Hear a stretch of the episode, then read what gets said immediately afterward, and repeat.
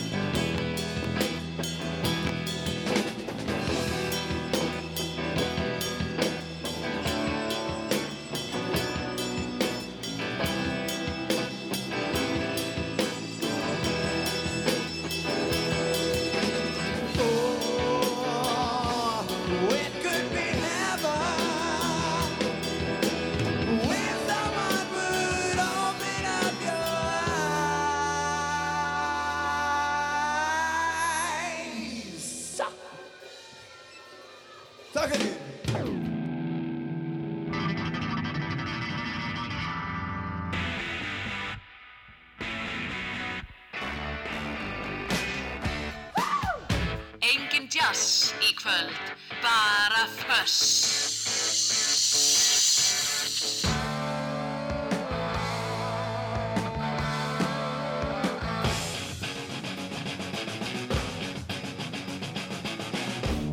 er Fuss.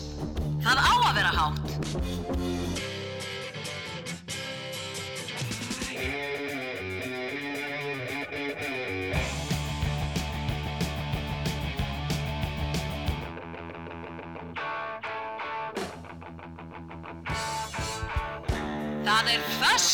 Það Fössball í kvöld. Já, komið í sælublesuð, ég heit Ólaður Pál Gunnarsson og þetta er rock þátturinn Föss. Hérna spilum við rock og við spilum rock til klukkan tíu kvöld. Byrjuðum hérna á gamalli upptöku frá, frá músiktilraunum, frá úsletakvöldi músiktilrauna árið 1993, hugsið ykkur. Hvað er ógeðislega langt síðan, það eru 29 ár síðan þetta var. Þetta er Jet Black Joe 4. apríl 1993 í Dómarallíu, þetta var þegar hljómsveitin var svona, hún var búin að slá í gegn og var bara heitast að bandið á, á Íslandi, spilaði í hlíu og músiktilunum, hún var alltaf gestarhljómsveitir og þetta var lægið Starlight eftir, eftir Gunnar Þórðar og ég án og vonað því að þetta verið flutt á Trúbrods tónleikonum í Hörpu núna í apríl, þar sem að Vintage Caravan ætlar að spila lifun með Magga Kjartans og Gunnar Þórðar og Shady Owens hún ætlar að vera þarna vera þarna líka. Og svo eru músiktilunir á næsta leiti líka. Það eru núna í, í logmass og úslitin annan apríl í Silvubergi í Hörpu. Við fáum, við, við fáum sendingu fáum pistil og lag frá vini þáttarins og það kemur þessu sinni eða það er þessu sinni með, með Grand Funk Railroad, ég ætla bara að segja ykkur það hér og nú og svo er frábær plata plata þáttarins, engin önnur enn Powerade með ACDC og svo bara fullt af alls konar rocki hérðan og þaðan. Ég lofa að þetta verður skemmtilegt ferðalagi hérna. Í kvöld hérna rétt á eftir þá förum við á tónleika með Queen. Langt eftir í tíman á tónleika með Queen og heyrum, heyrum góða sirpu með þeim en hérna næst er það Rammstein á tónleikum líka. Meira fyrst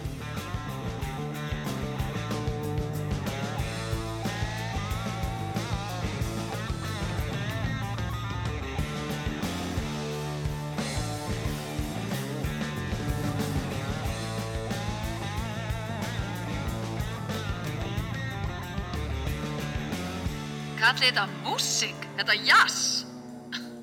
Föss er miklu betra. zwei, drei, vier, fünf, sechs,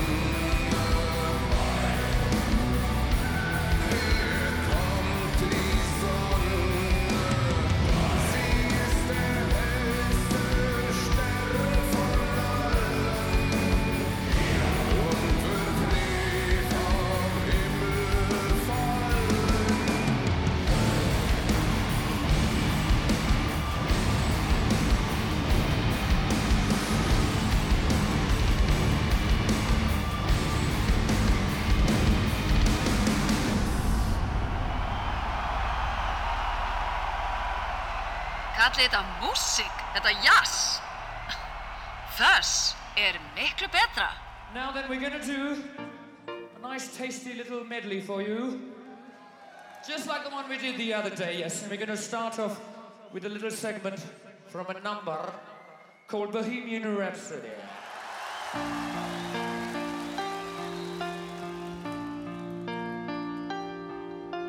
Mama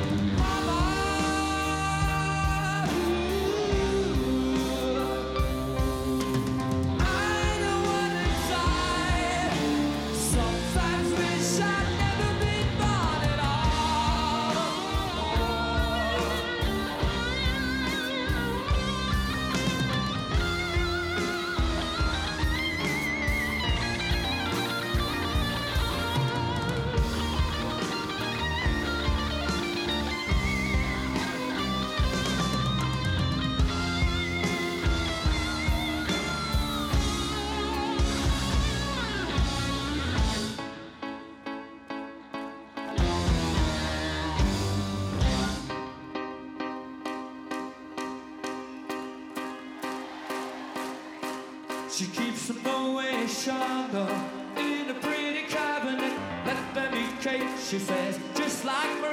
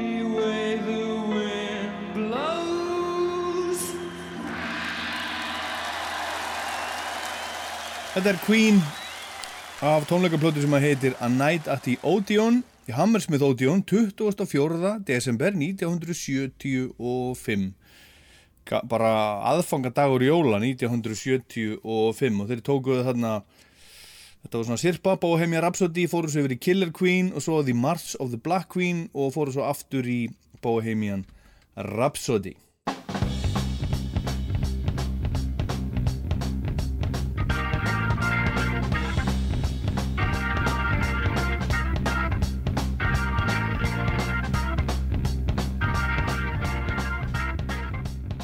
Þetta er mikið stuð, þetta er frá vini þáttarins.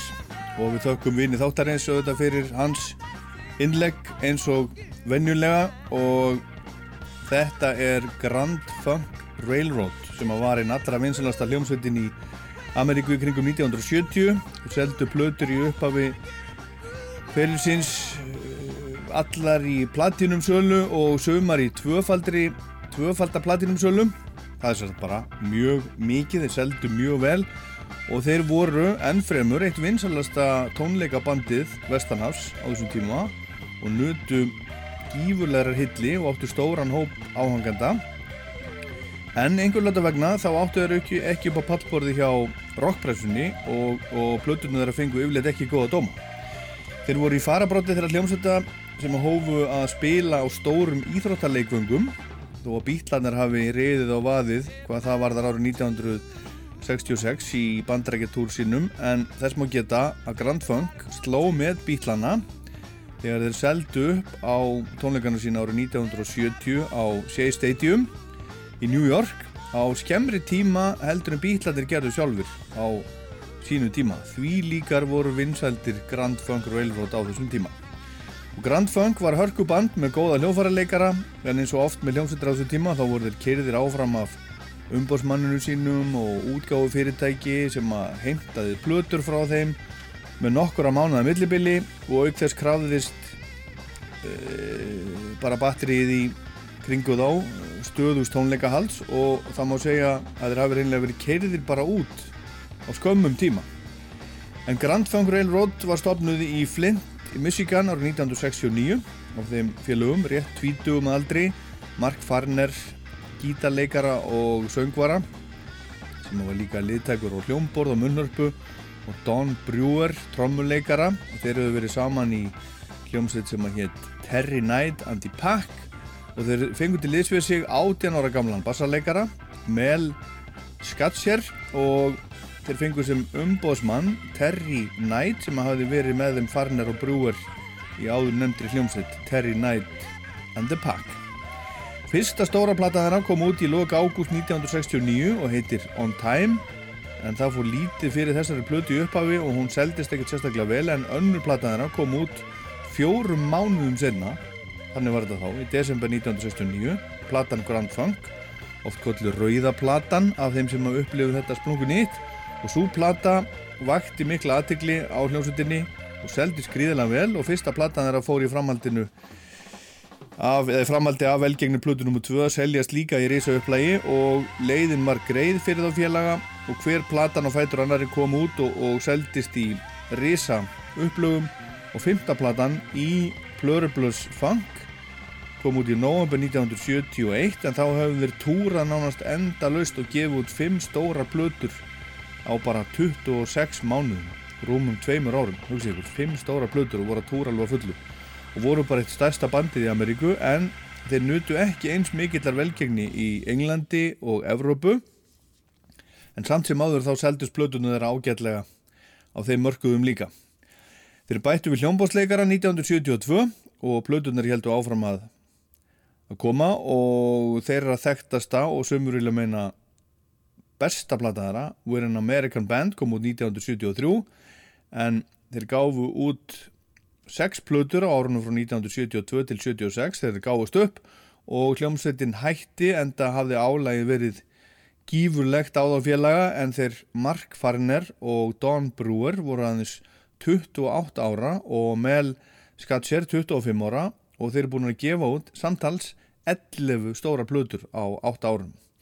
Grand Funk var svo endurvækin 1981 og þeir störfuð þá í tvö ár og svo var hann endurvækin aftur 1996 til ásins 1998 og svo hafa þeir verið starfandi frá 2000 fram á daginn í dag og í hljómsveitin í dag eru Mel Skatcher, bassarleikari og Don Brewer, trommari en hann er svo eini sem hefur alltaf verið í hljómsveitinni og svo má geta þess að gítarleikari í Grand Funk í dag er Bruce Kulick sem var í Kiss á sínu tíma, hann var í Kiss frá 1984 til 96 og kom hinga til Íslands fyrir nokkur árum og spilaði með íslensku Kiss cover hljómsveitinni Make og kom til dæmis í, í Studio 12 hérna og, og, spilaði með þeim, heyrum kannski á því hérna á eftir. En við skulum heyra Grand Funk og lag sem heitir Inside Looking Out af blödu nr. 2, Grand Funk, rauðblödunni frá 1969 en, en þetta er, skilst mér, alltaf vinsalasta lagið þeirra á tónleikum. Grand Funk Railroad í Foss. I'm sitting here lonely like a, a broken man. I serve my time doing the best I can. Walls and bars, they surround me. But I don't want no sympathy. No, baby.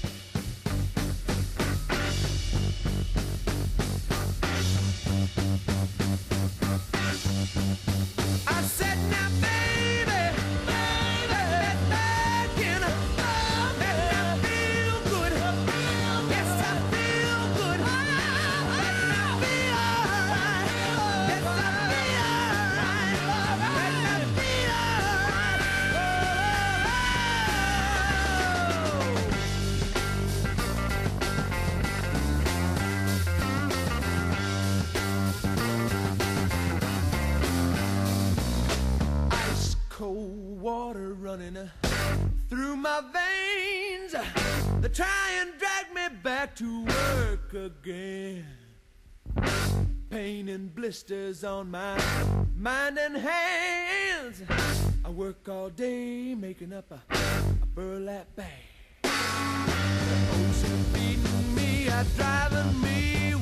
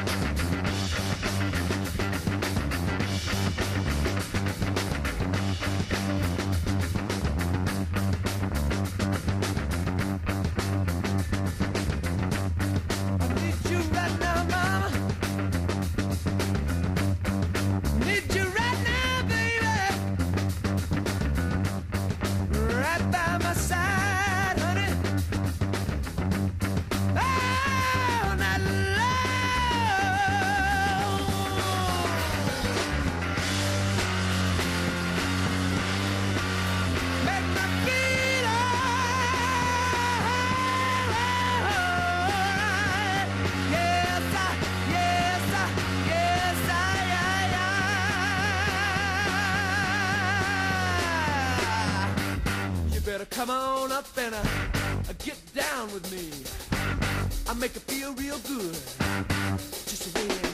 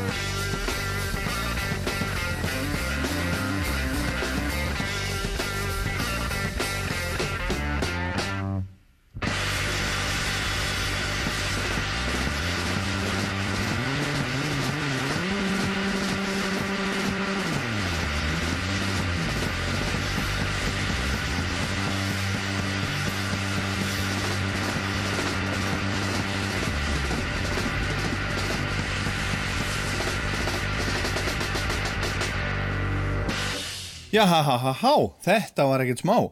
Grand Funk Railroad frá vini þáttarins Inside Looking Out frá 1969. Rock á föstudagskvöldu.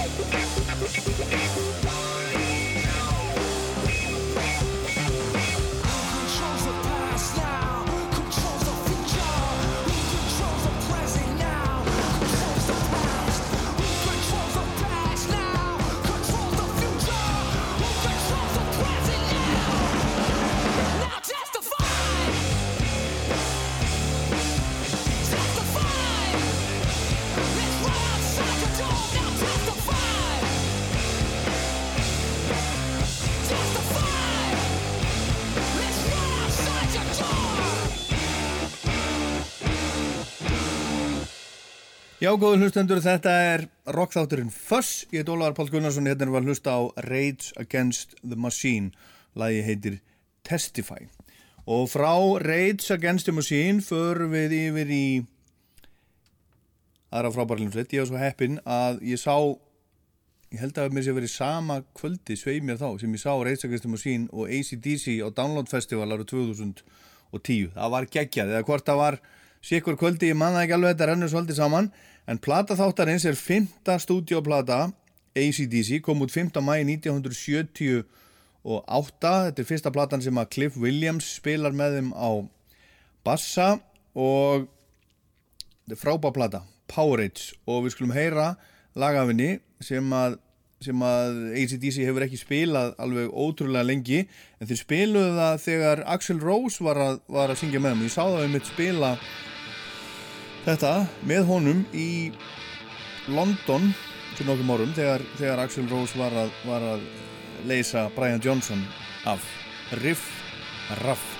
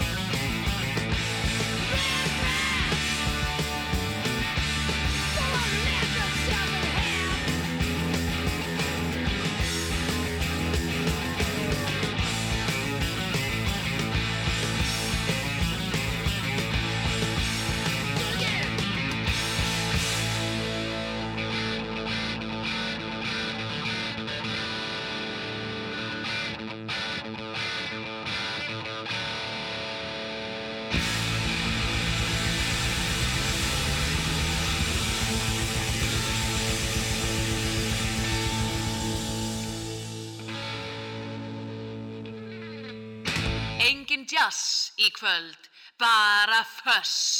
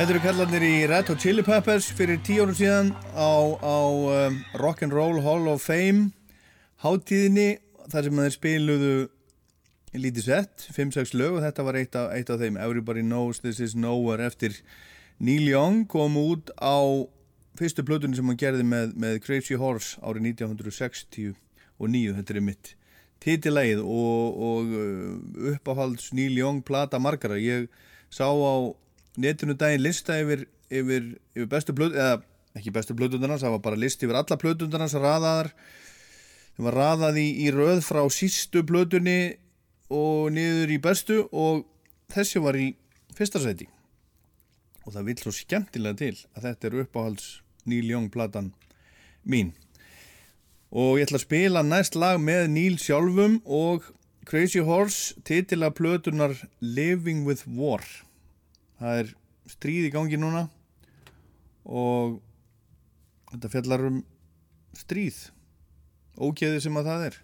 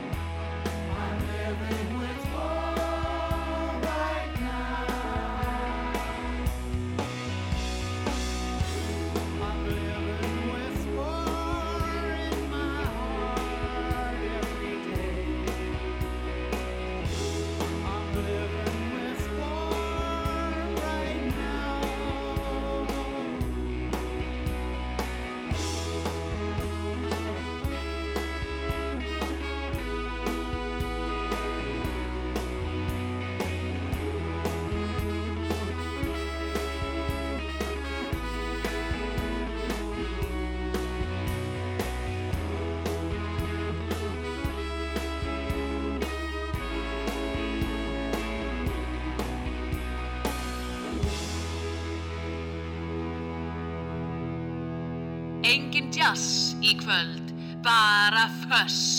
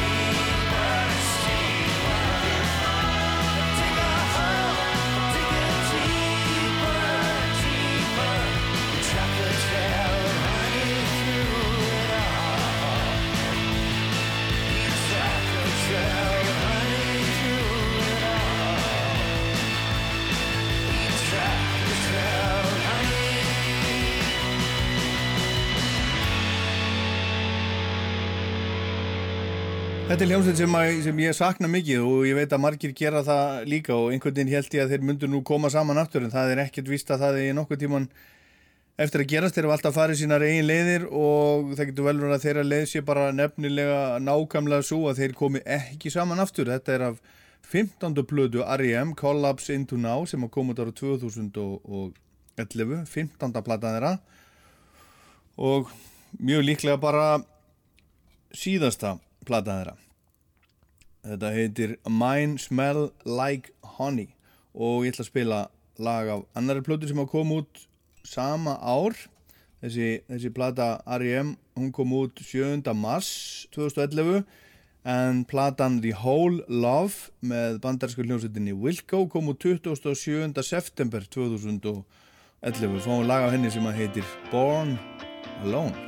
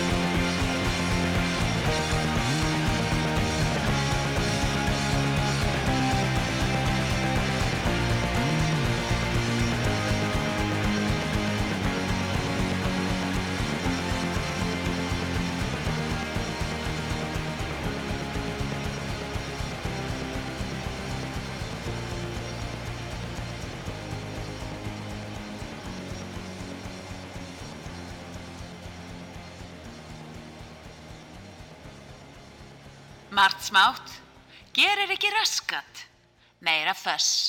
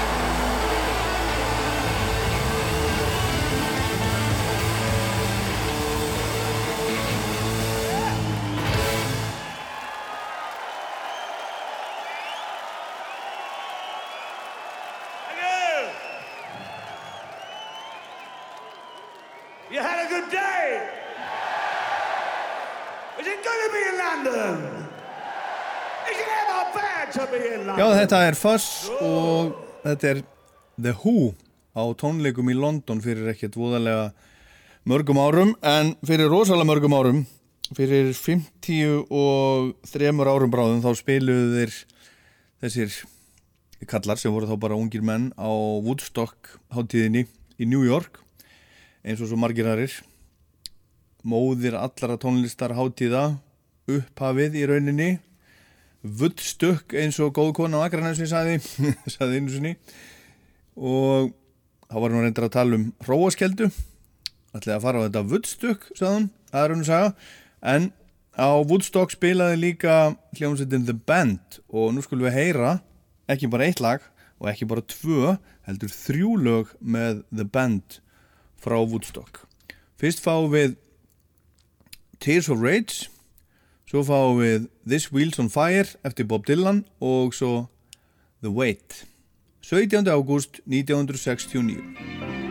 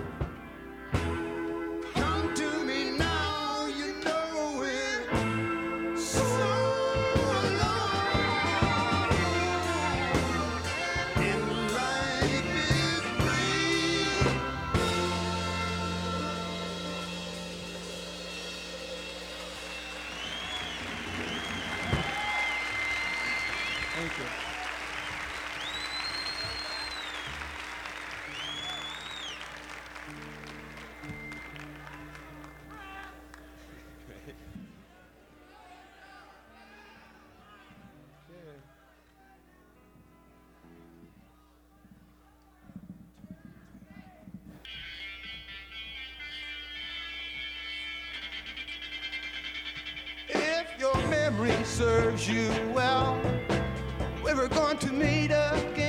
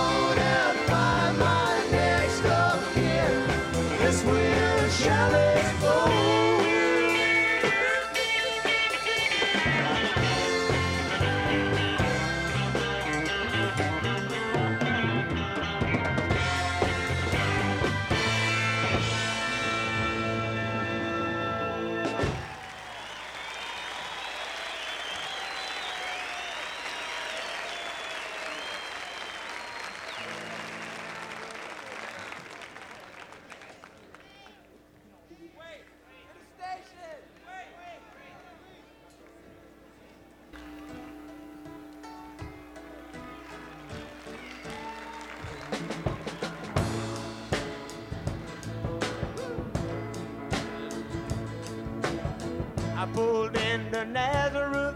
I was feeling about half past dead. I just need to find some place where I can lay my head. Hey, mister, can you tell me where a man might find a bed? He just grinned and shook my hand.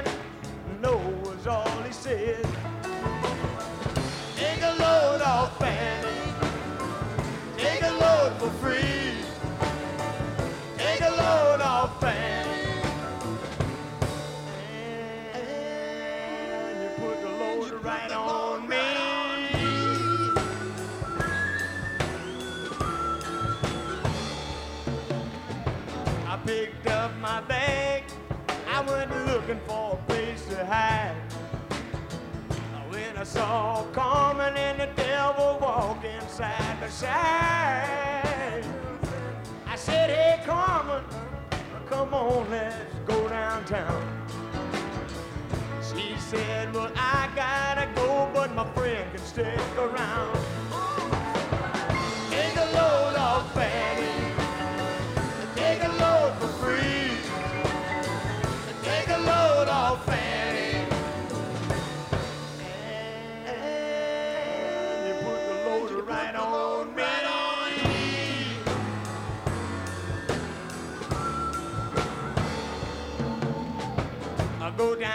Down this morning, there ain't nothing that you can see.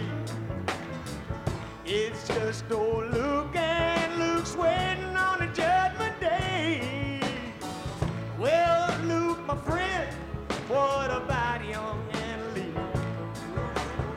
He said, do me a favor, son, won't you stay and keep Miss Anna Lee company? Take a load off, Fanny. Take a load for free.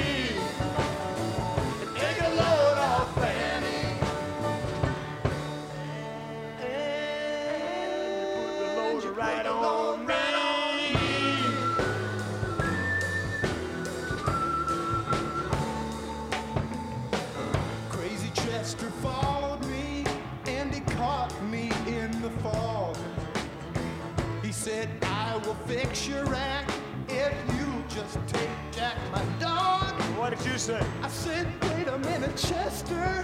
You know, I'm a peaceful man. Yeah, me too. He said, that's okay, boy. Won't you feed Chester whenever you can? I want you to take a load off, Fanny.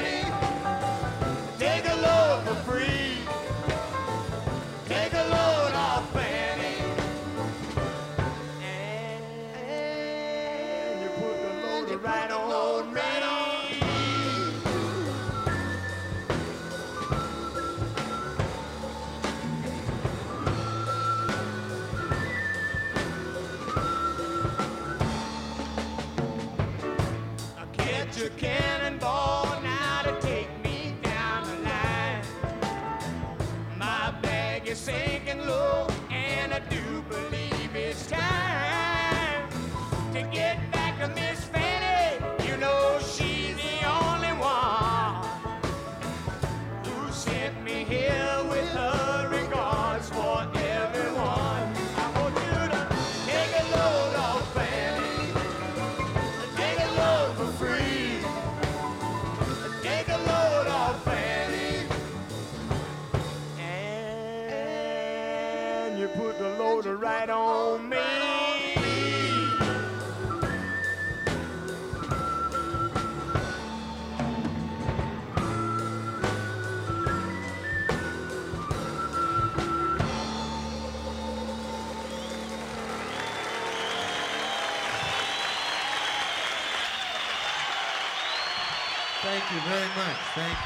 The Band á Woodstock hátíðin árið 1969 er enduðu þarna þetta þess að þryggja laga sirpu á læginu sínu The Wait. En hérna næst allar Ritchie Blackmore að spila fyrir okkur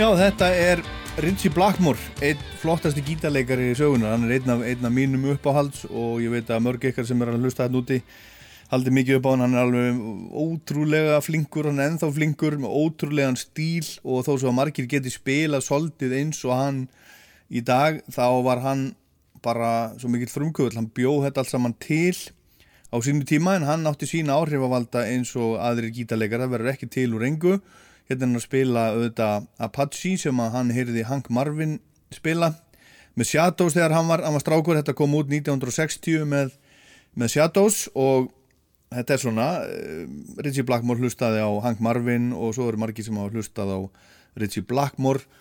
Stór förðulegu náingi og ég las viðtal við hann fyrir ekkert löngu síðan þar sem hann segist í rauninni vera upp á raungum tíma, hann segist vera í rauninni svona miðaldamaður, ekki myndi ég vilja hafa verið uppi á miðaldum, minn góður. En hann er svona miðaldamaður og hann er í hljómsveit með konunu sinni, Candice Knight og þau spila á svona miðaldaháttíðum út um, út um allan heim. Hann, hann spilar á lútu fyrst og fremst. Og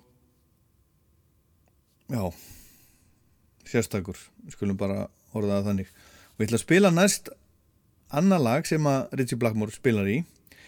Blind, When a Blind Man Cries með gömlu hljómsveitin hans Deep Purple, tekið upp fyrir plötuna Machine Head 1971 en Blackmore fannst þetta svo glata lag svo lélætt lag, hann vildi aldrei spila þetta hann spilaði þetta einu sinni með þeim á tónleikum og þetta var gefið út á, á smáskífu bjellið á smáskífunu Never Before árið 1972 og hún fannst þetta bara algjörlega glata lag en, en eftir að hann hætti þá hefur þetta verið spilað bara held ég á flestum tónleikum Deep Purple. Og það er náttúrulega frábær gítarleikar í Deep Purple í dag sem að tók við af Blackmore á, á, á sínu tíma Steve Morse en hann kemst ekki með tætnar þar sem Blackmore hefur hælana í stíl og öðru, hann er ósalega flinkur en það er eitthvað sem Blackmore hefur sem að, sem að engin annar gítarleikar í heiminum hefur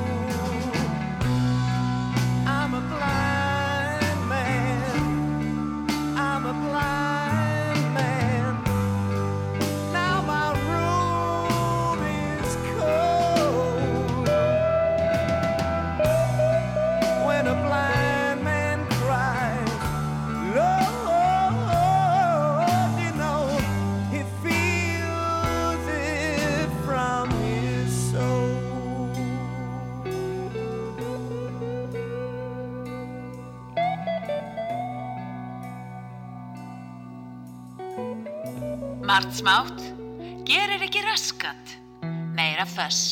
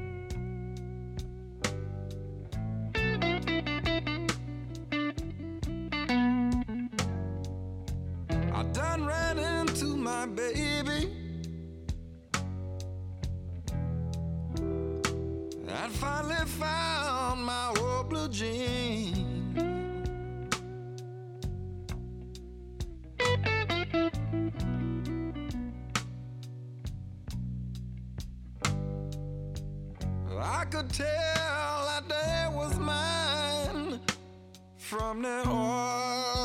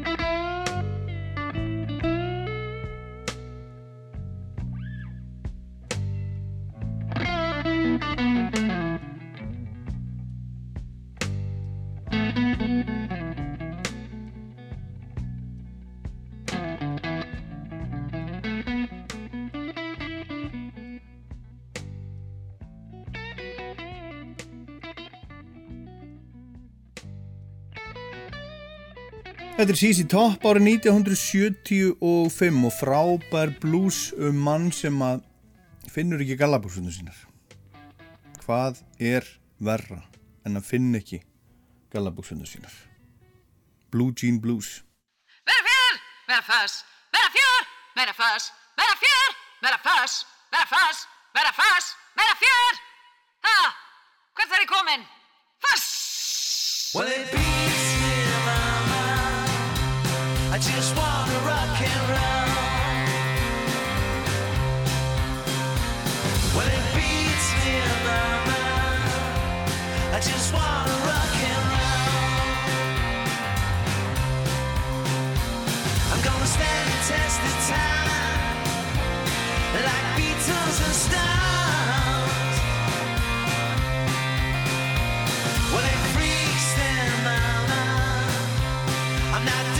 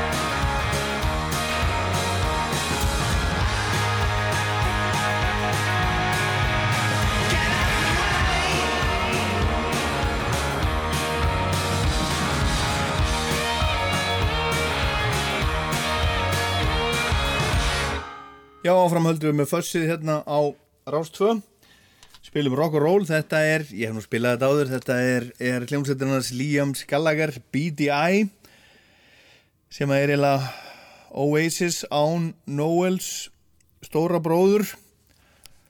Og lag sem að heitir Beatles and Stones. Beatles and Stones er náttúrulega bara grunnurinn að þessu Oasis brasi öllu, þetta eru strákar þessi Gallagher bræður Þeir eru reynda þrýr, það er Liam og Noel og svo er það elsti bróðurinn, hann heitir, heitir Paul og það er ábyggilega ekkert auðvelt að vera Paul vegna þess að, hann horfir hérna á yngri bræður sín að verða svona ríkar rockstjörnur og hann er bara, já hann er ekki þar en ég er að lesa núna bók sem hann skrifaði bara um leið og, og já, Oasis var búin að slá í gegn 1996 og ég er nú ekki komið langt í bókinni en hann er að segja aðeins frá uppvöxtunum frá, frá mömmu sinni og þetta er, þetta er, svo, svo ótrúlegt þarna eru þeir í dag náttúrulega lifa þessu rockstjörnu lífi bara eh, Liam og Noel en, en mamma þeirra sem að er kvöldu Peggy hún er ábyggilega fætt svona kannski, hvað að segja 1900 og hvað allir svona gömul. 1950 nei, kannski aðeins fyrr aðeins fyrr, jú aðeins fyrr 1950 kannski 1948, við skulum bara segja það. Og hún er hún er, uh, hún, já bæði hún og, og pappinnar eru eða svo maðurinn hennar Tommy Gallagher sem er pappi þeirra strákana þetta eru, þetta eru Írar sem komu til Manchester í, í leitað að betra lífi og hún mamma hans átti til dæmis fullt af sískinum og þau voru sendt sískinin á munaleysingahæli þegar hún var, hún var stelpa og þau áttu stígvel til þess að verja á vituna og voru svo bara skólaus alltaf á, á sömrin svo kynnist hún þessum, þessum Tommy Gallagher sem var mikill e, sjarmur en svo var hann algjör, algjör skeppna og hann lamdi alla familíuna, hann lamdi hana og hann lamdi þá bræðuna alveg í köku og allavega, ég er ekki komið lengra heldur en, heldur en, heldur en það. En skulum fá hérna Stones á eftir fyrst Beatles C-Sad, C-Sad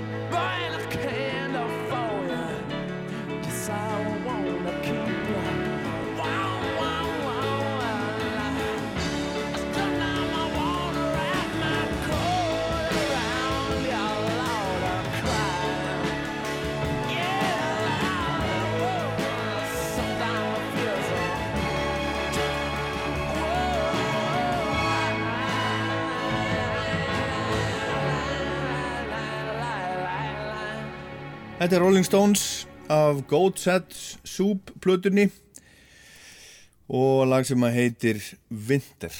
Og þessi kallar, þeir eru búin að vera að bara síðan bara lengur en, en, en eldstu menn muna og þeir ætla að spila í sumar, þetta er alveg með ólíkindum í rauninni. Og þeir verða hérna sé ég. Það er reyndar aðeins lengra á milli tónleika hjá þeim heldur en þeim sem eru svona svolítið yngri, þeir verða, þeir byrja 1. júni uh, núna í sumar Rolling Stones í Metropolitano Stadium í Madrid og svo er það 5. júni Olympic Stadium í München og svo er það 9. Anfield í Liverpool og svo er það Johan Cruyff Arena í Amsterdam 13. og svo er það 17. og svo er það júli hérna og enda þennan túr í, í Stokkólmi Friends Arena 31.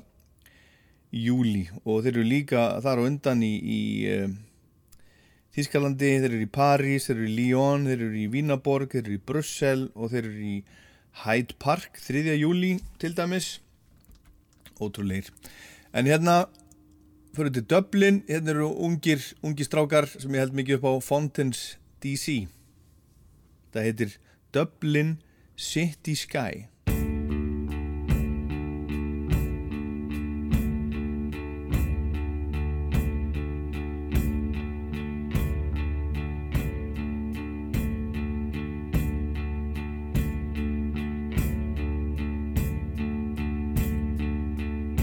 I was down the bottom half of some old bar in Chinatown. Had brought the rain and took the space for looking down. As drunk as love is lethal, I spun a lady round. And I kiss her neath the waking of the Dublin city sky. She threw her shoes into her bag and danced just like a dream. Her face was rubied up just like no sun I'd ever seen. She said I was a phony, I said I could be mean. And I treated her so badly, I made my baby cry. The January markets fill the cold air with the sound. Boys are full of laughter and their pocket with the pound. And in the foggy dew, I saw you throwing shapes around. It was underneath the waking of the Dublin city sky.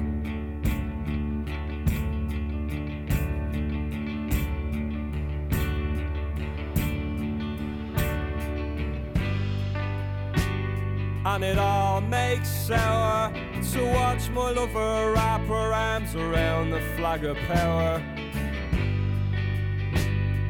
Hurry now, you will. To know you is to love you, and I love you even still. But we'll never truly be We trip along disaster in the whirlwind of the free. All together now. I was down the bottom half of some old bar in Chinatown. The shoes that brought the rain and soaked the space for looking down. And in the foggy dew, I saw you throwing shapes around. It was underneath the waking of the Dublin city sky.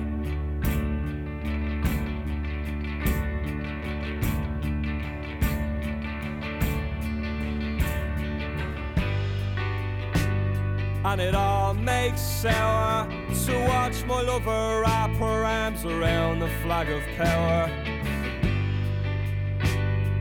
Hurry now, you will.